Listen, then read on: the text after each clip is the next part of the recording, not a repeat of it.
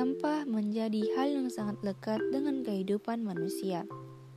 Banyak kegiatan manusia yang berperan menghasilkan sampah, terutama sampah plastik yang sulit diuraikan.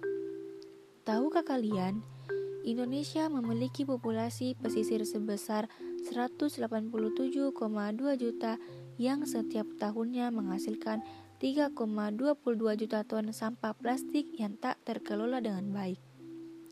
Hmm, banyak juga ya. Maka dari itu, upaya kita untuk mengurangi sampah plastik yaitu dengan mulai membiasakan diri menggunakan tas belanja ramah lingkungan seperti tote bag. Dan juga sudah banyak loh negara yang menerapkan sistem ini. Masa kita kalah?